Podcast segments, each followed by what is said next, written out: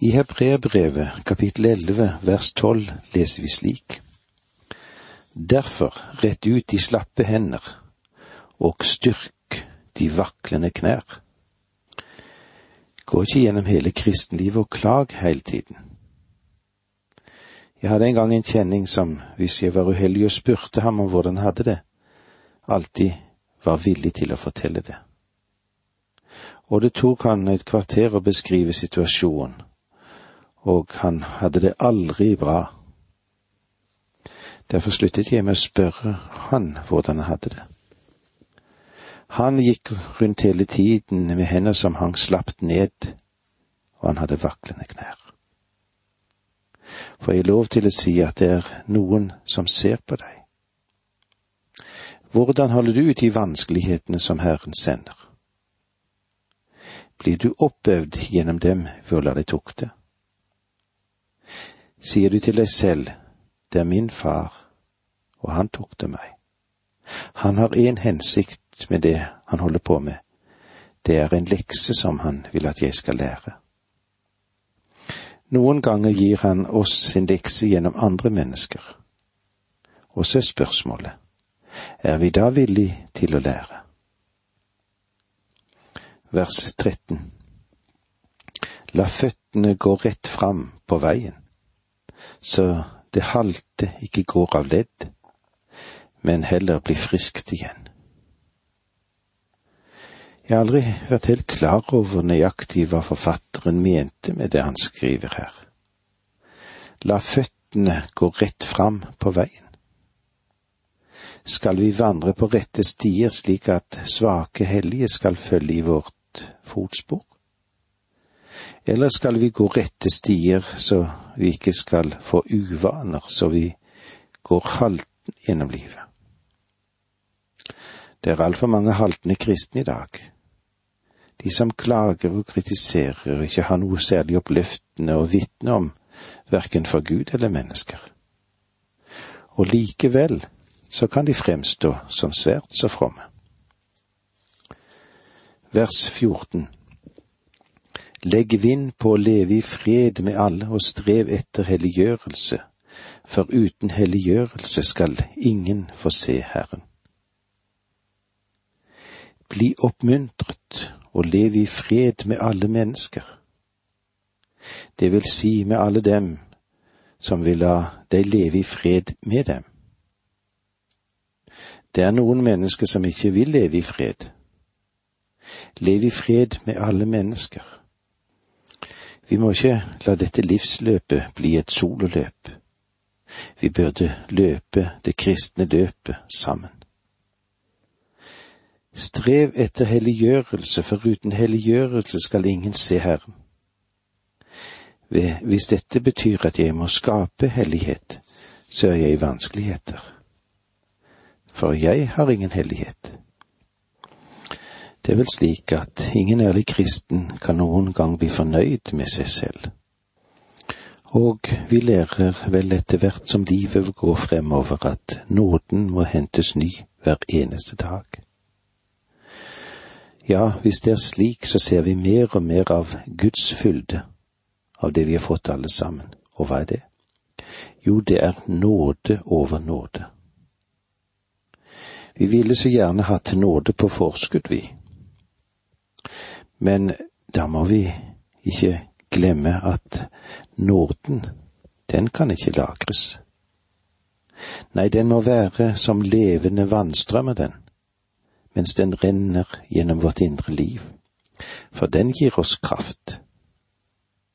I Johannes 7, 38 leser vi Den som tror på meg, av hans liv skal det som Skriften har sagt, renne strømmer av levende vann. Som blod renner gjennom årene våre med liv og kraft, slik må nåden være livsstrømmen i vårt indre menneske, om vi skal eie liv i Gud og holde ut når det onde tar bolig i oss.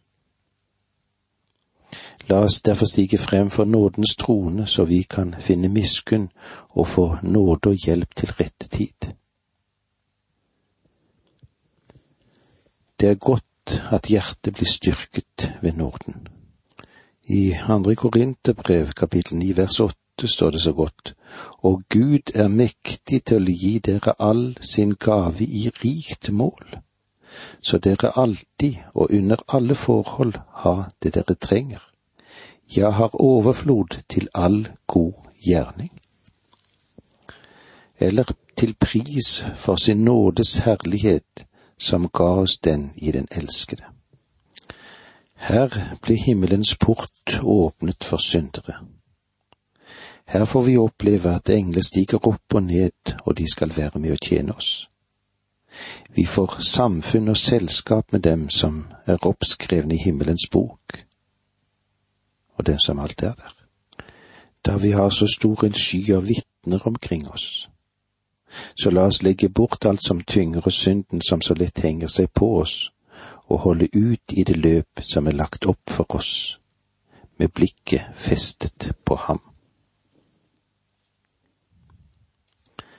Her får vi møte vår mellommann, Jesus, han som ofret og ga livet sitt for oss. Som mellommannen fra Golgata møter han oss med nåde men er det slik at vi skulle komme i en situasjon der vi vraker nåden, så er han, han en fortærende ild.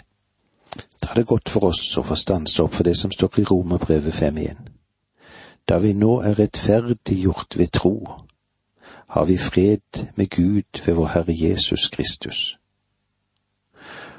Om jeg har noen hellighet, så er det fordi han er blitt rettferdighet for meg Tenk, han er min rettferdighet. Om jeg en dag skal stå for Guds åsyn, så er det fordi Kristus døde for meg. Og er ikke det oppmuntrende? At Jesus døde for meg, og jeg skal få lov å stå der innenfor Guds åsyn, fordi Han har hjulpet meg gjennom. Og det får meg til å reise meg opp, det får meg til å løpe det kristne løpet og som kan føre til at personlighetens helliggjørelse, den forvandles den, det blir til en foredling. Men den er også et produkt av Guds nådes gjerning. Og eh, det ligger nok også i forståelsen av helliggjørelse i dette verset. Legg vind på å leve i fred med alle og strev etter helliggjørelse, for uten helliggjørelse skal ingen få se Herren. Vi går nå videre og skal stoppe opp for eh, vers 15 i kapittel 12. Og vi kan sette som overskrift over det vi etter hvert går inn i, faresignal, faren ved å fornekte. Vers 15. Se til at det ikke er noen som lar Guds nåde gå fra seg. La ingen bitter rot få vokse opp og volde skade, så mange bli smittet av den. Se til at Ja, her har de tanken i seg om en retning. Og hva er retningen, da? Hvilken retning skal vi ha? Jo, vi skal stoppe opp igjen for det som står i Hebrebrevet 12,2. Med blikket festet på ham som er troens opphavsmann og fullender, Jesus at det ikke er noen som lar Guds nåde gå fra seg. Ordet her, å gå fra seg, er ikke frafall. Her er det ikke tale om faren ved å gli bort, men det betyr ganske enkelt å bli liggende etter. Med andre ord så må en troende feste øynene sine på Jesus, på den Herre Jesus, og ikke på mennesker. Hvis vi ikke holder øynene festet på ham, da er det lett for at vi kan komme i den posisjon at vi ikke er åpen for Guds nåde. Gud har et veldig reservoar av nåde, og han ønsker å øse sin nåde over sine barn. Og han er klar til å gjøre det, og han er alltid i stand til å gjøre det. Kristus betalte straffen for våre synder, og Gud er rik på barmhjertighet, rik på nåde og han ønsker at vi skal få del i den. Og med disse ordene må vi si takk for nå, må Gud være med deg. Dette undervisningsprogrammet består av to deler. Åge Nevland fortsetter nå med andre del av dagens undervisning. Vi er i Hebreerbrevet i det tolvte kapittelet, og vi ser på et eller flere faresignal. Faren ved å fornekte. Og dette er et faremoment for vår menneskeslekt. La oss se på vers 15 i kapittel 12 i Hebreerbrevet. Se til at det ikke er noen som lar Guds nåde gå fra seg. La ingen bitter rot få vokse opp og volde skade, så mange blir smittet av den. Se til at det har i, i seg en viss retning, dette. Hva er retningen? Jo, at blikket må være festet på Jesus. Problemet er at så mange av oss ikke stiller oss disponible for det som Gud har å gi oss, eller åpne for Hans nåde. Og her ser du at vi taler om realiteter. Det er noe du kan gå til Gud med og be om at Han griper tak i dette, og det er den herlighet som er knyttet til alt dette, og det er budskapet som vi har gjennom hele dette brevet. La meg få lov til å stille deg et spørsmål. Har du gått til Herren i dag? Har du snakket med ham? Ja, selvfølgelig skal du tale og snakke med ham med respekt, men snakk til ham som om han er din far. Tal med ham om deg selv. Fortell ham at du trenger hans nåde. Vi trenger alle nåde, og den er tilgjengelig, men vi må be om den. Vi må spørre om han vil la den flyte inn i vårt liv gå ikke i møte med denne dagen i din egen kraft, men be om Guds nåde. La ingen bitter rot få vokse opp og volde skade, så mange blir smittet av den. En kritisk, en lunken kristen i en menighet kan skape mer vanskeligheter enn du kan forestille deg. På samme måte som et råttent eple i en kasse kan ødelegge alle de andre. Vi trenger å be Gud om nåde til å holde ut hva vi enn måtte gå igjennom, og ikke bli bitre mot noen i noe forhold. Vers 16 Se til at ikke noen driver hor og lever ugudelig som Esau, han som solgte sin første fødselsrett for et måltid mat. Det som her betegnes som hor, er åndelig hor. Det er en fare for at vi vender oss fra Gud til det som har med det kjødelige å gjøre. Og det kan jo være så mangt og mye, det. Hva angår Esau, så dreide det seg om å selge sin første fødselsrett. En åndelig fødselsrett som egentlig favnet så mye. Det ville ha betydd at Esau ville ha vært i den linjen som førte til Messias. Og det betydde at han skulle ha vært prest i Abrahams familie. Men han brydde seg ikke om det. Han var ikke interessert i åndelige velsignelser. Lever ugudelig betyr ikke at Esau uttalte en hel del forbannelser. Det henviser ikke til det i det hele tatt her men det betyr å kaste vrak på det hellige. Det betyr å være mot Gud. Han kjente ikke noe behov for å anerkjenne Gud som sin Gud, eller å ha fellesskap med ham, eller å kjenne at han hadde noe annet svar overfor ham. Så han vraket sin første fødselsrett og vurderte den som temmelig verdiløs. Han var villig til å utveksle den mot en skål mat. Og det er mange mennesker som har solgt sjelen sin. Noen har solgt den til alkoholen, andre til narkotiske midler, noen til sex, og noen til uærlighet, og andre, ja, andre er opptatt med pengekjærhet. Det er en fare for et Guds barn å vende seg fra det Gud ønsker at vi skal være oppmerksomme på, og det er faren ved vår kjødelige natur. Enten vil vi gå fremover i vårt fellesskap med Kristus, eller falle tilbake.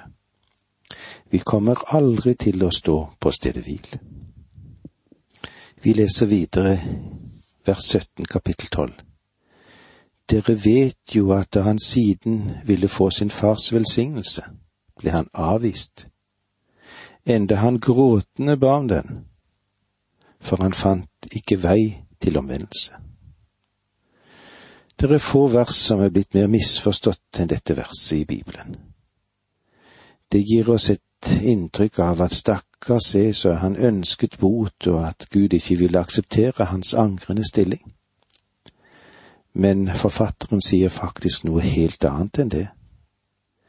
Esau, han vraket sin førstefødselsrett, og da han senere fant ut at det var en avknyttet til den, at han ville arvet to ganger så mye som noen av de andre sønnene til Isak, så begynte han å skjønne at han hadde gjort en tabbe. Saken er at Esau var interessert i det som var fysisk. Når det står at han gråtende ba om den, så betyr det at han hadde en del ytre trekk som skulle antyde at han gjorde bot. Men det eneste Esau ga uttrykk for, var bondeanger. Den anger en tyv har når han blir oppdaget og begynner å gråte og bære seg. Men han angret egentlig ikke før han var en tyv. Han var lei for at han først nå så at han hadde gjort en tabbe. Esau gjorde ikke bot fordi han ønsket å vende seg til Gud og ønsket noe åndelig.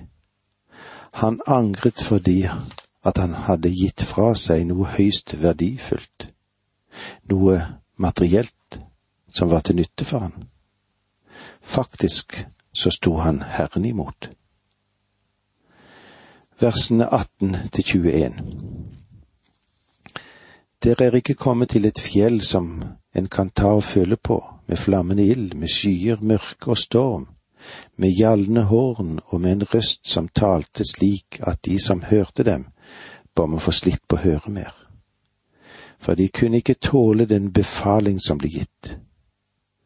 Om så et dyr kommer nær fjellet, skal det steines. Ja, så gruvekkende var synet at Moses sa, Jeg skjelver av skrekk. Forfatteren taler her om da loven ble gitt av Moses på toppen av fjellet Sinai. Og han taler her om den gamle pakt. Det folket han skriver til, var hebreere, og hvordan var det med de? Jo, de hadde vendt seg til Kristus. Og det må vi ha klart for oss gjennom hele dette brevet. Vi må huske at den første menighet, de 3000 som ble frelst på pinsedag, ikke var primært hedninger, men de var jøder.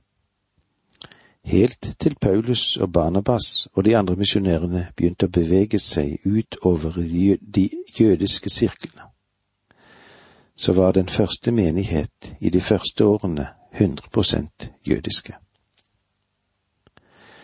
Når vel disse jødene i Jerusalem som hadde vendt seg til Kristus, befant seg delvis i et vakuum.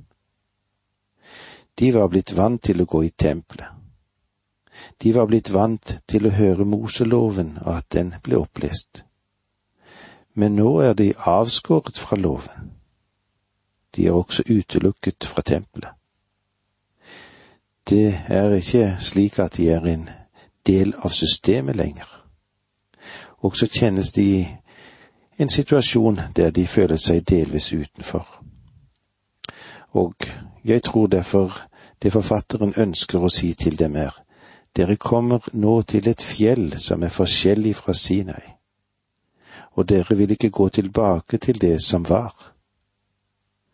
Sinai var det stedet der loven ble gitt og 3000 mennesker ble drept, som det står om i annen Mosebok i kapittel 32. Det var mer enn 3000 mennesker som ble frelst på pinsedagen. Døden hørte med da loven ble gitt, men der ble et nytt liv da evangeliet ble forkynt på pinsedagen. At loven ble gitt var ikke i alle deler en behagelig opplevelse, Hvordan var det da? Jo, da var det torden og lyn, jordskjelv og storm, flammende ild og trompetfanfarer som ble høyere og høyere og høyere. Det var en rystende opplevelse. Så rystende var den at folk sa til Moses, Tal med oss du, så skal vi høre. Men la ikke Gud tale med oss, for da dør vi, som det står i Annen Mosebok 2019. Nå er det altså forfatteren av Hebrevbrevet som sier, Dere vil vel ikke gå tilbake til det systemet? Alt det har vi nå lagt bak oss. Disse hebraiske kristne var vant til å gå til tempelet og være med på de felles ritualene. Nå var det ikke noe, noe for dem å gå til, ingen seremonier, ingen offer å bringe. Så forfatteren her sier til dem at de virkelig har noe. Vers 22. Nei, dere er nå kommet til fjellet Sion, til den levende Guds by, det himmelske Jerusalem, til titusener av engler, til en høytidssamling. Og eh, med disse ordene sier vi takk for nå. Må Gud være med deg.